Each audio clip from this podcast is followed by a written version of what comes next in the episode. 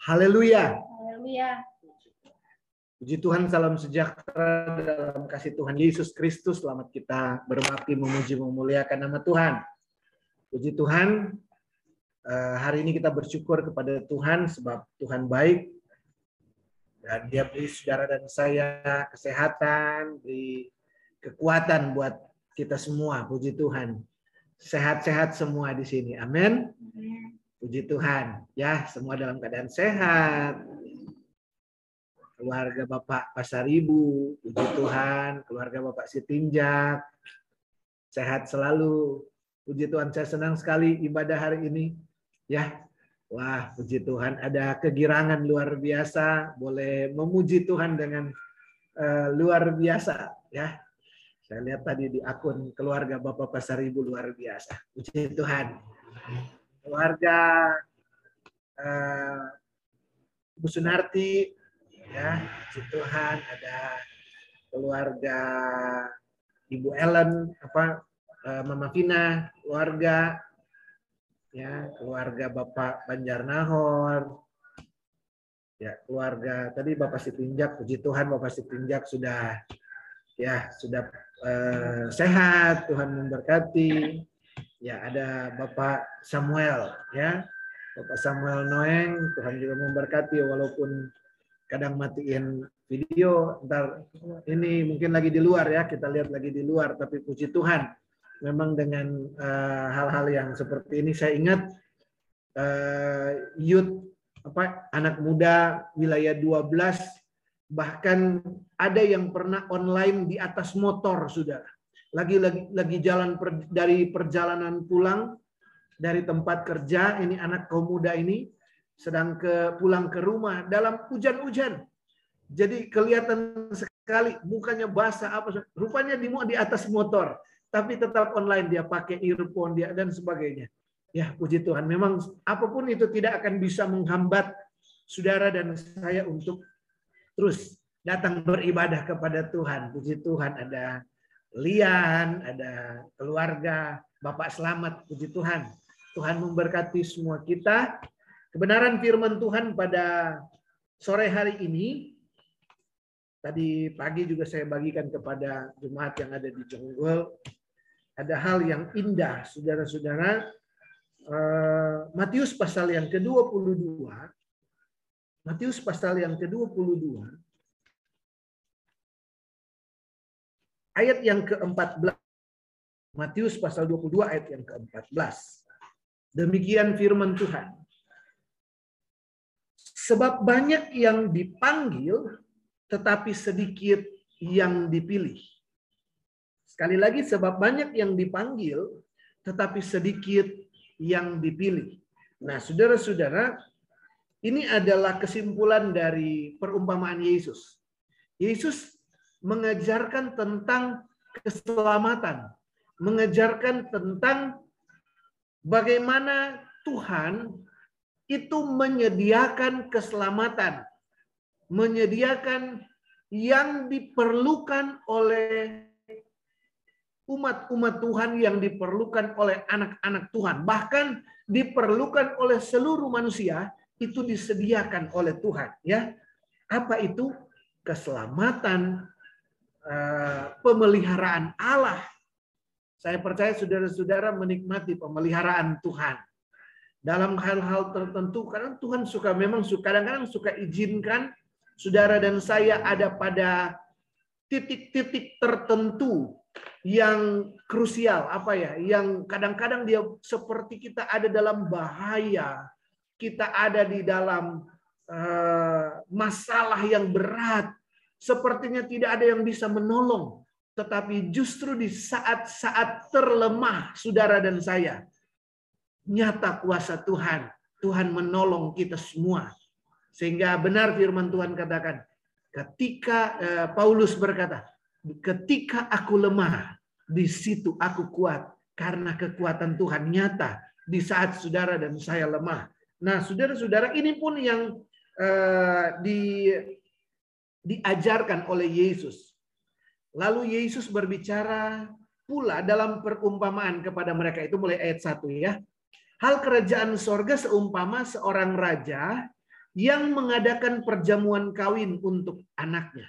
Jadi nanti saudara eh, kalau kita apa namanya mengerti ini, saudara kalau saudara baca juga saudara akan eh, mengerti tentu dengan kekuatan Roh Kudus bahwa Yesus sedang berbicara tentang Tuhan, tentang Bapa di sorga. Itu seperti seorang raja, umpamanya seorang raja yang mengadakan perjamuan kawin untuk anaknya. Ia menyuruh hamba-hambanya memanggil orang-orang yang telah diundang ke perjamuan kawin itu, tetapi orang-orang itu tidak mau datang. Ia menyuruh pula hamba-hamba lainnya. Pesannya, katakanlah kepada orang-orang yang diundang itu, sesungguhnya hidangan telah kusediakan, lembu-lembu jantan dan ternak piaraanku telah disembelih, semuanya telah tersedia. Datanglah ke perjamuan kawin ini. Jadi Tuhan eh, raja ini mengirim hamba-hambanya untuk menyampaikan undangan kepada orang-orang itu. Jadi ini eh, adalah perumpamaan tentang bagaimana Bapa mengutus hamba-hamba Tuhan, mengutus nabi-nabi, mengutus eh, ya nabi-nabi perjanjian lama untuk datang supaya orang Israel bertobat, supaya orang Israel fokus kepada Tuhan. Pada zaman perjanjian baru, di gereja mula-mula, Tuhan mengirim 12 rasul untuk meyakinkan orang Yahudi untuk menerima Yesus sebagai Tuhan dan Juru Selamat. Petrus teriak-teriak, eh berilah dirimu dibaptis, berilah dirimu bertobat. Terimalah Yesus, dia adalah Tuhan. Tapi firman Tuhan mencatat orang Yahudi, orang Israel menolak Injil, menolak berita itu. Jadi ini ya, jadi Yesus sedang saat ini waktu Yesus bicara, Yesus belum mati di kayu salib. Jadi Yesus juga bernubuat, ada ada nubuatan-nubuatan yang luar biasa yang akan terjadi bahwa dia sudah berkata bahwa dia akan ditolak. Ditolak oleh umat yang dipilihnya sejak awal keturunan Abraham dan sampai kepada orang Israel. 5 ayat 5 itu tetapi orang-orang yang diundang itu tidak diindahkannya.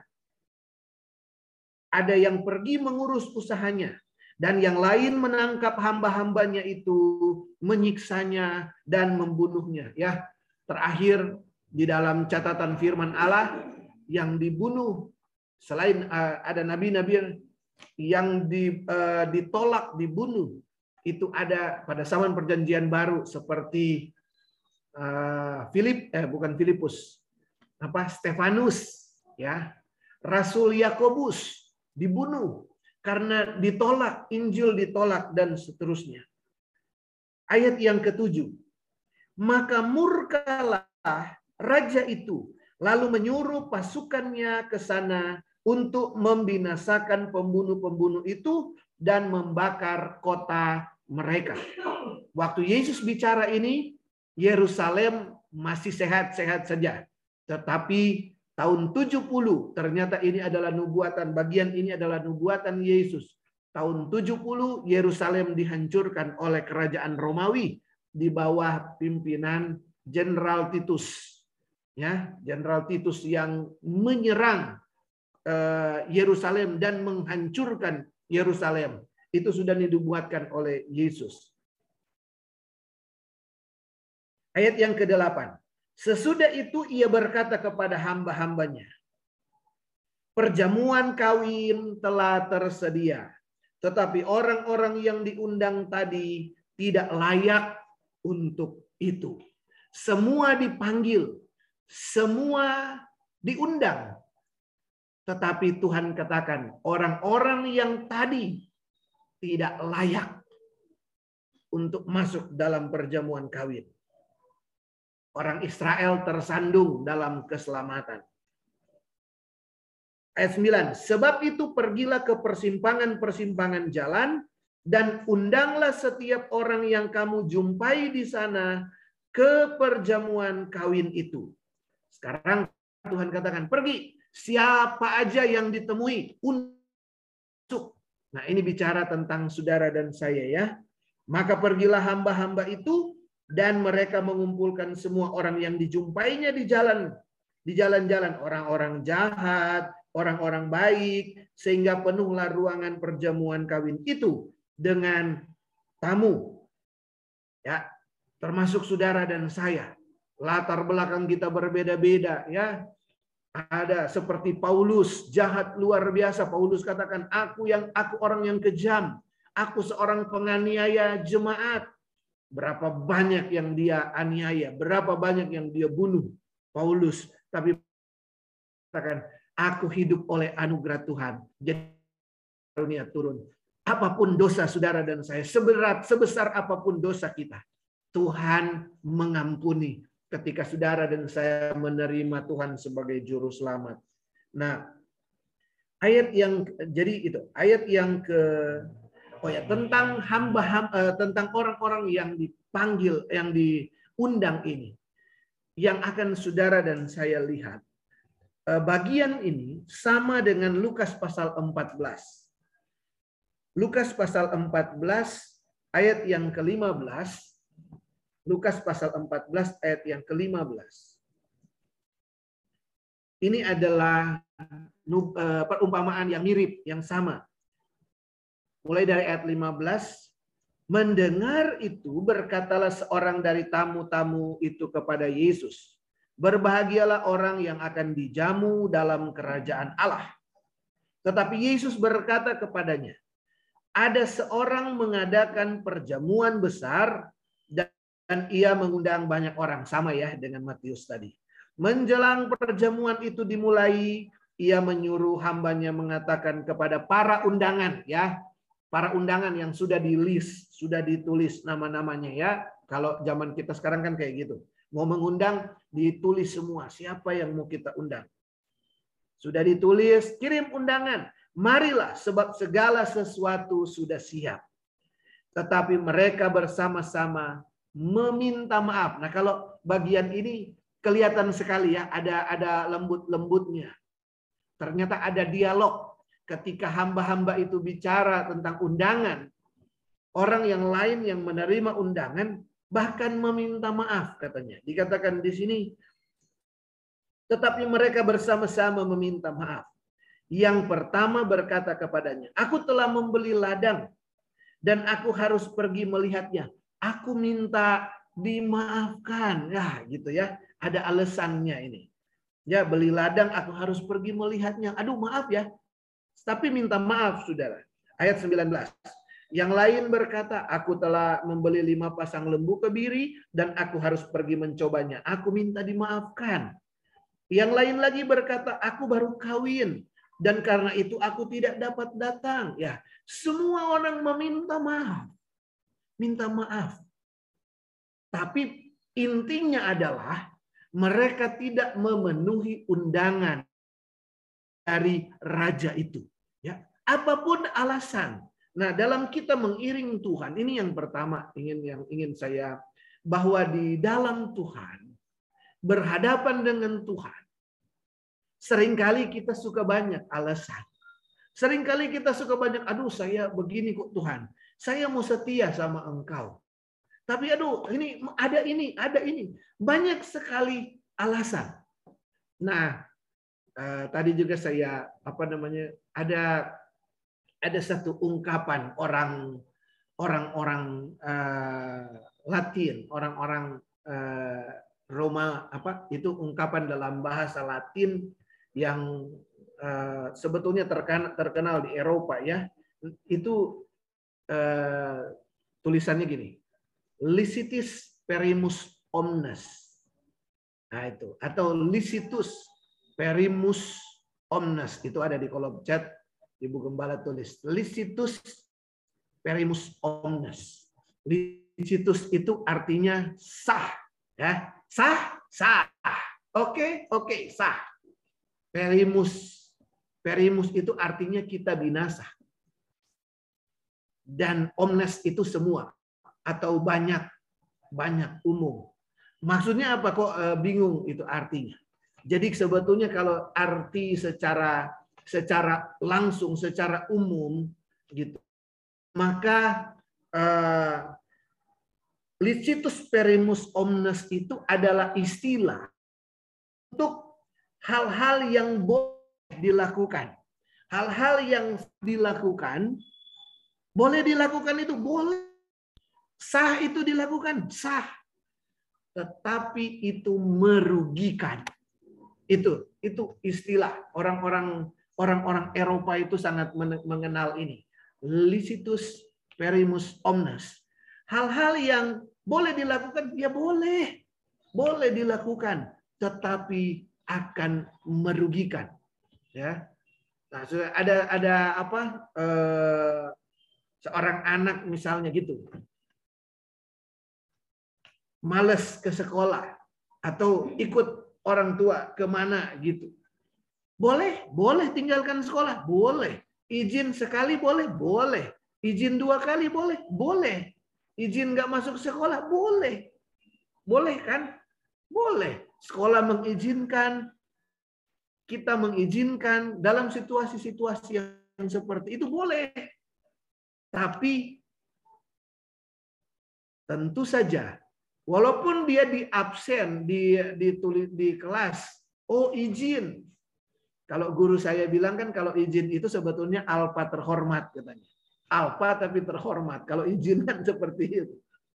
Boleh, boleh tidak hadir. Tidak masalah. Tapi ada kerugian. Kerugiannya apa? Ternyata anak kita eh, ketinggalan satu hari pelajaran. Nah, itu kalau kalau pelajaran yang nggak diulang, berarti dia sudah tidak ikut, dia tidak dapat lagi itu pelajaran itu.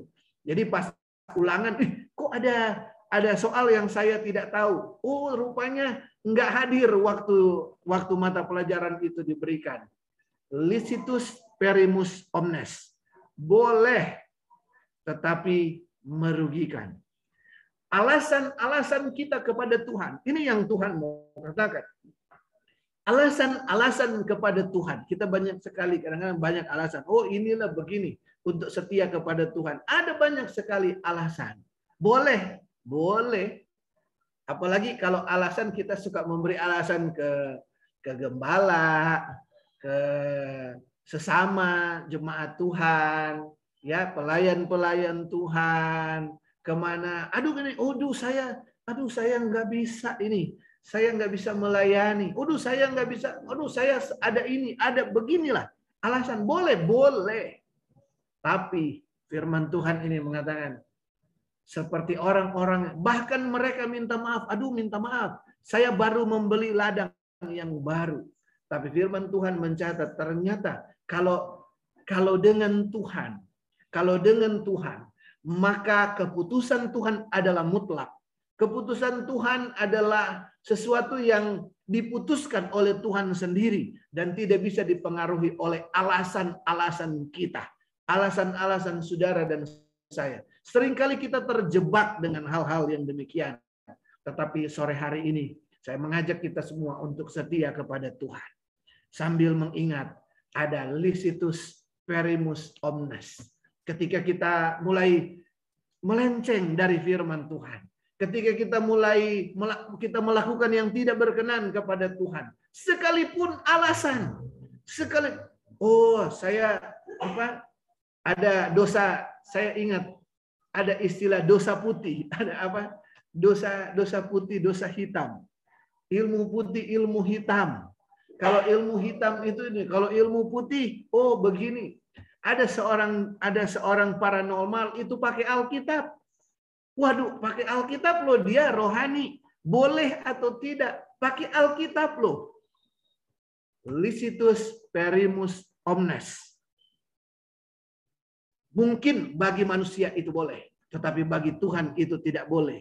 Dan ketika saudara dan saya melanggar itu, maka semuanya tentu merugikan. Karena firman Tuhan mencatat di sini, orang Israel melakukan licitus perimus omnes. Dengan begitu banyak alasan, mereka tegar tengkuk di hadapan Tuhan. Mereka menolak Tuhan. Mereka menolak ketika diperkenalkan tentang Yesus sebagai Mesias. Ada seorang anak yang lahir di Bethlehem, orang-orang Majus, orang Majus yang datang. Nanti kita sudah mau Natalan ya. Orang Majus datang dari dari apa? Dari timur, datang masuk ke Bethlehem. ketemu dengan Herodes dan pimpinan-pimpinan Israel, orang-orang Yahudi. Ditanya, mau ke mana kalian? Kami mau bertemu dengan seorang raja yang ber, kami ingin berjumpa dengan seorang raja yang lahir. Kami melihat bintangnya di timur. Saudara-saudara, Israel terkejut katanya. Herodes dan seisi Yerusalem terkejut. Apa benar Mesias lahir di sini? Apa betul seperti itu? Mereka selidiki. Iya, betul. Uh, ini apa namanya?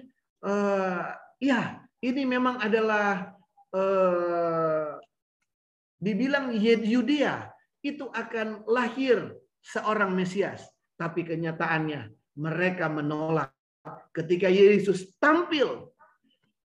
Pemimpin-pemimpin agama Yahudi berkata kepada uh, yang lain, kamu periksa kepada mereka yang mau percaya kepada Yesus kamu periksa dari dari kitab suci, maka engkau akan tahu bahwa Mesias bukan orang Galilea. Jadi karena Yesus bukan orang Galilea, eh, Yesus, uh, orang bukan apa namanya, uh, Yesus tidak berasal, uh, tidak ada nabi yang berasal dari Galilea. Jadi Lisitus Perimus Omnes. Periksa coba, tidak ada nabi yang datang dari Galilea. Jadi dia bukan nabi, apalagi Mesias. Tidak ada yang datang dari sana mereka menolak dengan berbagai alasan. Tapi kejadian apa yang terjadi adalah mereka ditolak tidak menikmati pemeliharaan Allah. Tuhan berkata, "Masuklah, aku sudah menyediakan yang diperlukan. Perjamuan telah disediakan. Pemeliharaan Allah. Jehovah Jireh, Tuhan memelihara saudara dan saya. Tuhan memanggil kita Matius 11 ayat 28. Marilah kepadaku hai kamu yang letih lesu dan berbeban berat. Aku akan memberikan kelegaan kepadamu. Kata Tuhan. Jadi Tuhan kata, aku akan memberi kelegaan. Aku siapkan yang engkau perlukan. Tetapi banyak kali orang berkata, aduh entar dululah. Gampanglah itu, nantilah. Yang ini dulu, ini. Saudara-saudara. Tapi saya bersyukur kepada Tuhan jemaat-jemaat pelita adalah jemaat yang setia kepada Tuhan. Haleluya. Puji Tuhan. Dengan apa pun, dengan apa pun yang sedang terjadi, tidak memutus kesetiaan saudara untuk terus datang kepada Tuhan. Haleluya. Saya tahu saya apa namanya kalau saya ini bahwa saya ingat-ingat kita jemaat uh, pelita itu tidak pernah tidak ibadah ya mulai dari pandemi awal, walaupun kita online sampai sekarang dua tahun, tapi tidak pernah kita putus ibadah. Kenapa? Licitus perimus omnes. Bolehkah enggak ibadah? Ya bolehlah. Kalau saudara minta izin, tentu saya tidak mungkin bilang, oh enggak boleh. Oh ini saya begini, enggak boleh. Banyak sekali alasan. Boleh enggak saya gini? Wah ya gimana? Tergantung. Tetapi licitus perimus omnes Jangan sampai berkat Tuhan terhalang.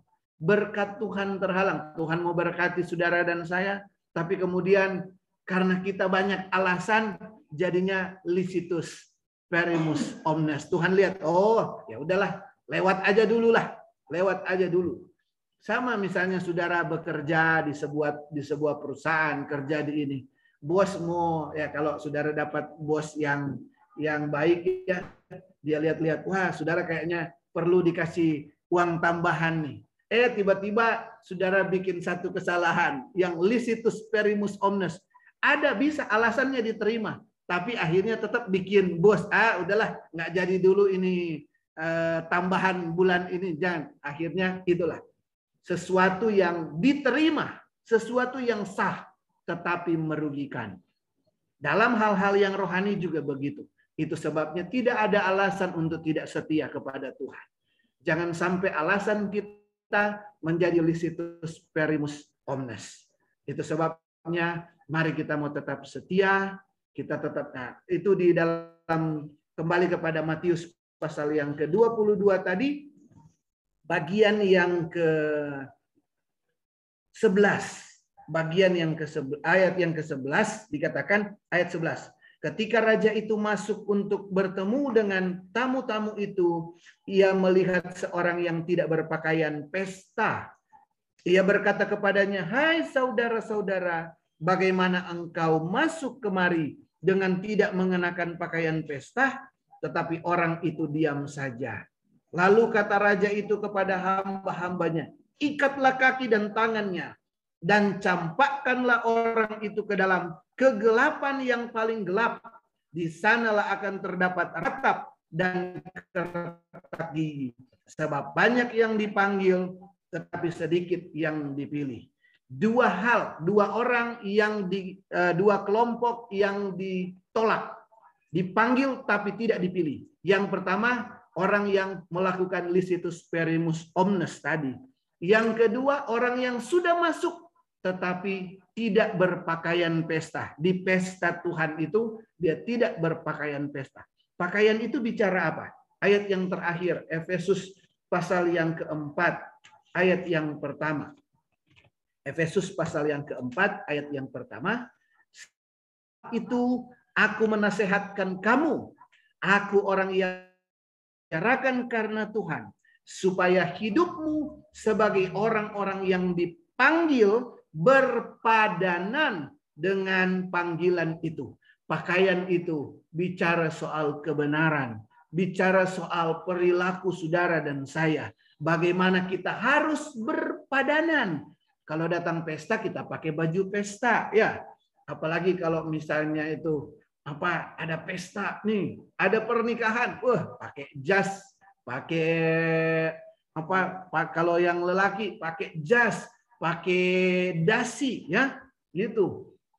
Karena berpadanan, harus berpadanan dengan yang kita datangi ya. Kalau dia pesta ini apa pesta pernikahan, wow, kita harus ya harus eh, apa namanya berpenampilan yang sepadan dengan pesta tersebut. Wah, saya tidak saya tidak pernah jarang lihat ya kalau ada yang pesta apalagi orang Batak misalnya, ada pesta datang pakai kaos oblong. Wah, paling sudah paling minimal batik. Wah, haleluya ada pakai batik, apalagi iya. pakai jas, pakai dasi dan sebagainya. Top pokoknya. Memang harus sepadan dengan uh, pesta itu. Nah, ini juga Tuhan begitu. Kalau mau masuk perjamuan Tuhan, mau masuk uh, dalam kelompoknya Tuhan, harus sepadan. Hanya pakaian kita bukan soal sebetulnya bukan soal hal yang jasmani, tapi bicara soal kehidupan. Firman Allah katakan kehidupan yang berpadanan dengan panggilan. Menjadi anak Tuhan berarti hidup sebagai anak Tuhan. Ya, Oh, Filipi 1 ayat 27. Ini benar yang terakhir. Saya itu. Ini benar yang terakhir. Filipi 1 ayat 27. Hanya hendaklah hidupmu berpadanan dengan Injil Kristus katanya. Hanya hendaklah hidupmu berpadanan dengan Injil Kristus. Jadi kita hidup sesuai dengan firman Allah. Itulah pakaian saudara dan saya. Itulah pakaian kita. Sehingga kita yang diundang, kita yang dipanggil oleh Tuhan. Marilah kepadaku yang letih lesu, berbeban berat, aku beri kelegaan kepadamu. Ketika saudara dan saya sudah melangkah kepada Tuhan, ketika berjumpa dengan Tuhan, Kemudian Tuhan mengasihi kita, saudara dan saya menerima dia sebagai Tuhan Juru Selamat, kita berjalan dalam firman Allah. Sehingga kelak ketika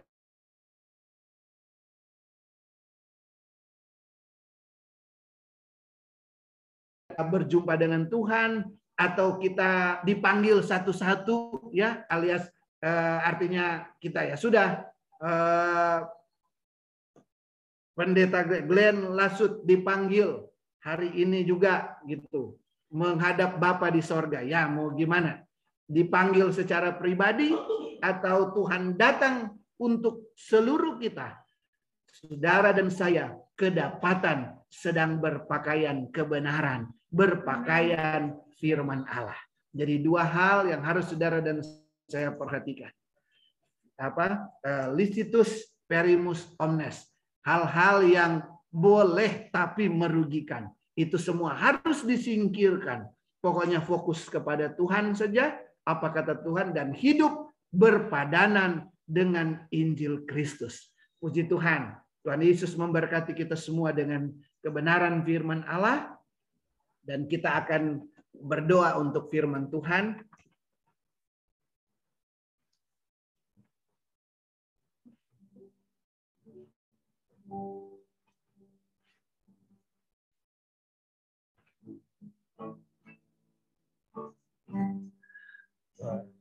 Yang tanganku